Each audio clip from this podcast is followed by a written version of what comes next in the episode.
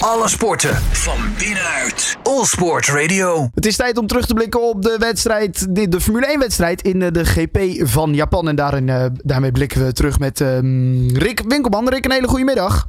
Goedemiddag.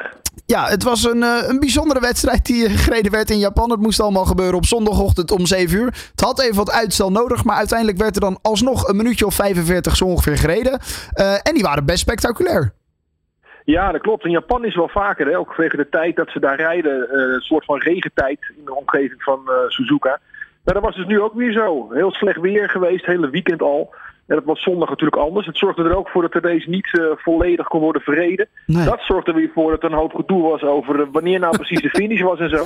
Ja. Maar goed, uiteindelijk eh, is het duidelijk dat Max daar wereldkampioen is geworden. En dat is dan wat we aan moeten onthouden, denk ik. Hè? Ja, inderdaad. Want laten we dan maar gewoon eventjes bij het begin beginnen. De race ging wel, wel gewoon van start. Alleen het was al snel duidelijk dat het eigenlijk niet kon. En ook vooral het zicht voor de coureurs erg slecht was. Eh, waardoor Ja. er ook eh, twee, eh, twee, ja, twee crashes gebeurden. Hamilton, die, of sorry, Vettel die ging even de ginnenbak in. En Sainz die, die zette hem echt tegen de muur. Ja, vooral Sainz was een pittige crash. We hadden ook nog het moment dat toen er een safety car op de baan was, dat er ook nog een soort, soort, soort, soort, takelwagen de baan op Ja. kwam, wat levensgevaarlijk is. Ja. Eh, en het, het probleem is inderdaad met dit soort weersomstandigheden, het is niet dat de coureurs daar niet in zouden kunnen rijden, of dat de auto's dat niet kunnen, maar het probleem is de, de, ja, de mist en de spray van de auto's.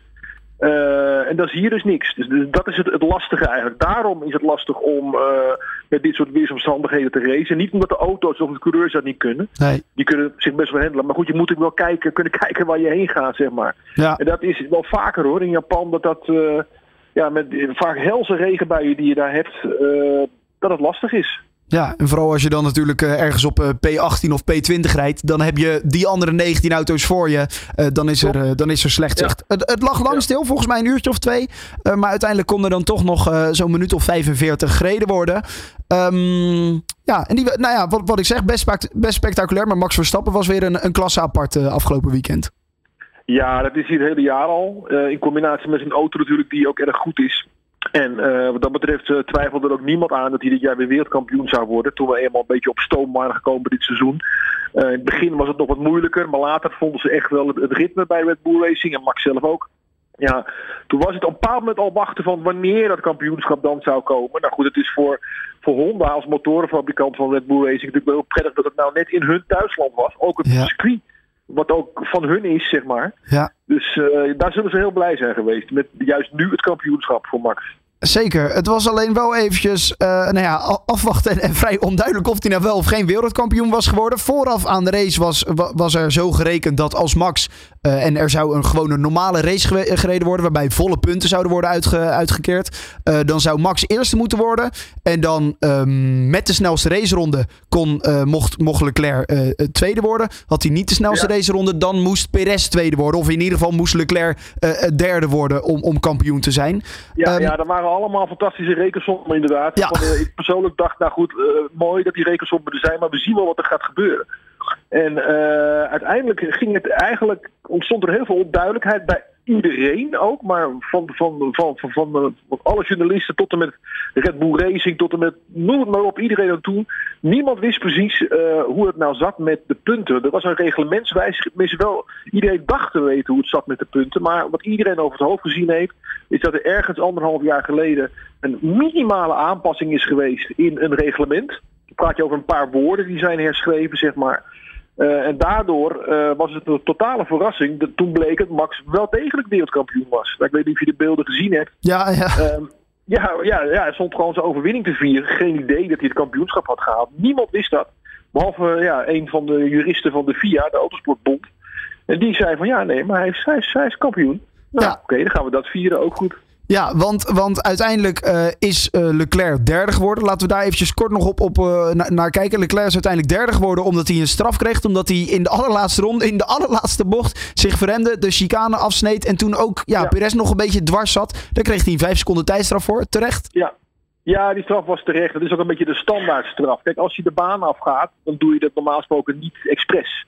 Nee. Ehm, maar als je dan de baan weer opkomt en als je dan een andere coureur hindert, of als je bijvoorbeeld de baan afgaat en daardoor een positie wint, dan moet je of zo'n positie teruggeven of er wordt vijf seconden straf gegeven. Nou, zeker omdat u de laatste bocht was, kon ja, Leclerc heel lastig die positie nog teruggeven in een heel klein stukje wat er nog te rijden was na die laatste bocht. Ja, dan is eigenlijk die vijf seconden is gewoon een, een standaardstraf. Dat had niks met het weer te maken of reglementen. Daar kon je op wachten. Dat ging gebeuren.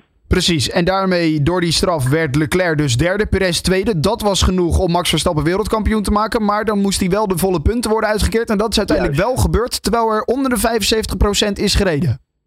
Ja, maar dat had er mee te maken met het feit dat de race uh, wel gewoon is afgevlacht.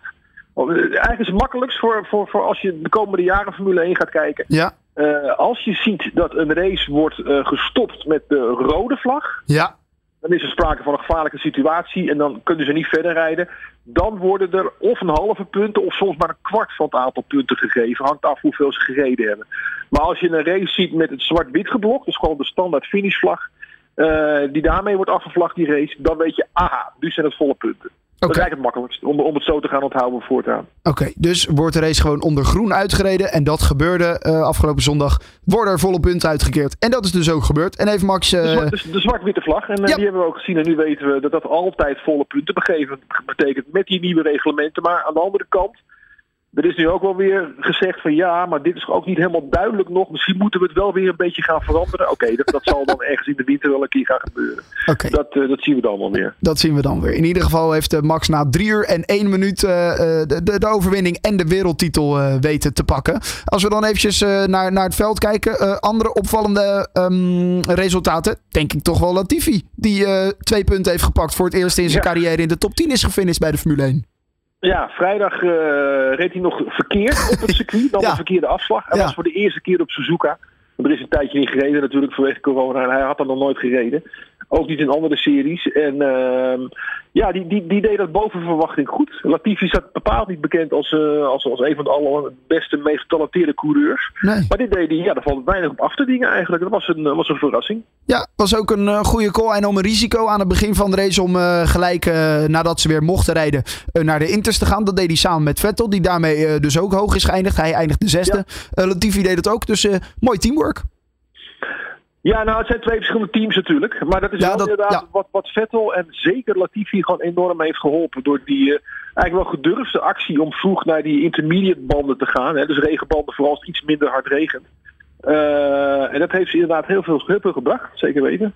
Precies. Uh, nou, dan denk ik nog een ander mooi nieuwtje. Wat natuurlijk al snel in het weekend naar buiten kwam. Waar we als Nederlanders blij en trots op mogen zijn. Is dat in Alfa Tauri volgend jaar ook een Nederlander rijdt. Namelijk Nick de Vries. Twee Nederlanders in de Formule 1. Wie had dat gedacht? Ja. Dat, uh, dat, dat wordt heel gaaf volgend jaar. En natuurlijk zal Nick de Vries uh, niet zo gaaf voor overwinningen gaan. Al hebben we wel gezien dat Pierre Gasly uh, met de Alfa Tauri ooit een keer de Grand Prix van Italië won. Ja. maar daar had hij wel wat geluk bij nodig. Maar oké, okay, je moet je kansen pakken als, je, als ze er zijn. Dat wordt een beetje de situatie waar de Vries ook in zit. Hè, in een team wat zeker wel uitschieters kan hebben. Maar normaal gesproken niet voor de podiumplekken gaat. Maar dan nog, het is voor hem natuurlijk geweldig om in ieder geval lekker gewoon erbij te zijn volgend jaar. En voor ons Nederlandse autosportfans, ja, ons kleine landje wat gewoon twee Formule 1 coureurs heeft. Heel erg. En ook twee coureurs die puur op hun eigen kracht en hun eigen talent uh, de Formule 1 in zijn gekomen. We hadden ook, ook natuurlijk twee Canadezen bijvoorbeeld in de Formule 1, Lance Stroll en Nicolas Latifi, waar we het Ja. al over hadden. Die zitten daar echt omdat hun ouders daar budgetten voor hebben om dat te kunnen betalen. Uh, maar zowel bij Verstappen als bij de Vries is dat dus niet zo. Die zijn puur op eigen kracht zijn die de Formule 1 ingekomen. Nou, als je dan als klein landje dat presteert in zo'n grote sport, dan, uh, ja, dan mogen we daar best trots op zijn. Zeker. Weet jij hoe lang hij een uh, contract heeft getekend? Is dat een contract voor twee jaar? Nee, voorlopig voor een jaar. Oké. Okay. Dat is standaard. Uh, daar begin je eigenlijk altijd mee. Ja, kijk, als je Max Verstappen heet, destijds al is dat een ander verhaal. Dat was ook een meerjarig contract wat hij gelijk had met, uh, met Red Bull. Uh, maar in principe heeft Nick een éénjaarscontract. Maar goed, daar zullen geheid een aantal momenten in het jaar zitten. Waarin al gaat worden gesproken over verlenging of juist niet. Dus het is eerst nu aan hem om uh, ja, het seizoen gewoon goed te beginnen. Goede indruk achter, achter te laten bij het team vooral. En, uh, en dan hopen dat hij langer uh, kan blijven. Laten we het inderdaad hopen. Dat zou uh, hartstikke mooi zijn. En wie weet, in, het allermooiste verhaal is dat hij natuurlijk ooit nog eens teamgenoot gaat worden van Max Verstappen bij Red Bull. Maar dat, nou goed, dat, dat is een hele, een hele utopie. Dat maar, is een volgende stap. Ja, dat is een volgende stap. ja precies. Ja. Dat zou in ieder geval mooi zijn. en omdat er is natuurlijk een plekje vrijgekomen bij Alfa Tauri waar Nick de Vries is ingestapt. Omdat Gasly naar Alpine is gegaan. Logische keuze ja. eigenlijk. Twee Fransmannen in een Frans team. Mooi voor zo'n team. Ja, zeker. En uh, het, het, probleem is misschien wel een beetje, alhoewel ze zijn allemaal wat ouder en wijzer geworden, dat in de jaren dat die mannen nog aan het karten waren, ja. dat die twee families echt met elkaar overhoop lagen. De familie Gasly en de familie Ocon. Op een hele nare manier was dat vaak.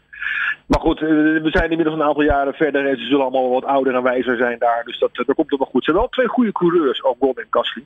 Dus dat is voor Alpine wel een, uh, wel een goeie. Zeker. Nou, hartstikke mooi. Um, dat was dus het weekend in Japan. Gaan we snel door naar uh, de Verenigde Staten. Want daar zal uh, aankomend weekend alweer gereden worden. in... Ja, ja, is over twee weken. Over twee weken is dat. Is het over twee weken? Oh ja. Het is, maar het ja. gaat zo hard. Dus voor mij is het niet volgende week, maar de week erop. nee, het is 21 tot en met 23 oktober. Ja. Ja, oké. Okay. Gaan we dat dan weer volgen. voor nu, Rick Winkelman, bedankt hè. Okido. Alle sporten van binnenuit. All Sport Radio.